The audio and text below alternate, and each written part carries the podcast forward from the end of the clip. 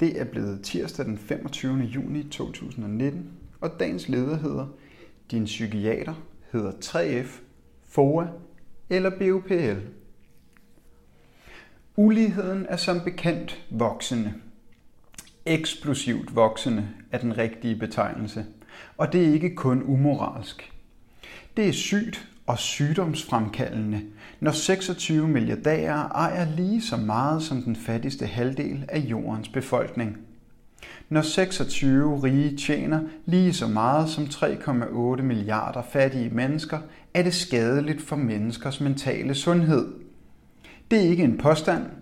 Det er et dokumenteret faktum, at ulighed og sociale nedskæringer forværrer en voksende global mental helbredskrise. Det er FN's rapportør for mental sundhed, der rejser denne kritik i en ny rapport til FN. Og rapportøren påpeger, at den verdensomspændende mentale sundhedskrise kun kan løses med regeringsindgreb, som reducerer borgernes økonomiske usikkerhed og øger bevillingerne til offentlig service. Psykiateren Dr. Dainius Purasa fra Litauen er rapportør på sundhedsområdet, og han har netop afleveret sin rapport til FN's menneskerettighedsråd i Genève. Rapporten slutter med en lang række råd. I et interview i forbindelse med afleveringen af rapporten påpeger Dr. Purasa, at forholdsregler, der reducerer den økonomiske ulighed, fattigdom og diskrimination, vil være den bedste vaccine imod psykisk sygdom og langt bedre end fortsat øget brug af medicin.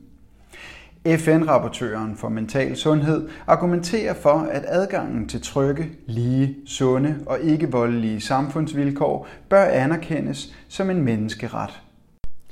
Samfundet skal sikre alle en bolig, arbejde, sund mad, uddannelse og ikke mindst sociale fællesskaber. Det kan stoppe væksten i antallet af psykisk syge på verdensplan – og det er den bedste grundlæggende behandling af de, som kæmper med psykisk diagnose, som Dr. Parusa på den anden side slet ikke afviser, også har brug for specifik terapeutisk og eller medicinsk behandling.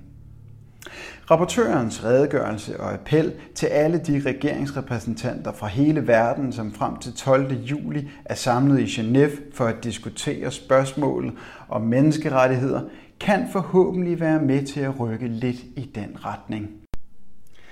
Men det vil være lidt sindigt at overlade så vigtig en sag til regeringer, der har påtaget sig at lede kapitalistiske samfund, hvor hensynet til markedet og profitten altid får det sidste ord. Derfor er punkt 72 i rapporten nærmest en appel til fagbevægelsen om at sikre bedre forhold både på det formelle og uformelle arbejdsmarked. For solidariske forhold, øget organisering og højere løn samt gode og værdige arbejdsforhold er helt afgørende for menneskers mentale sundhed.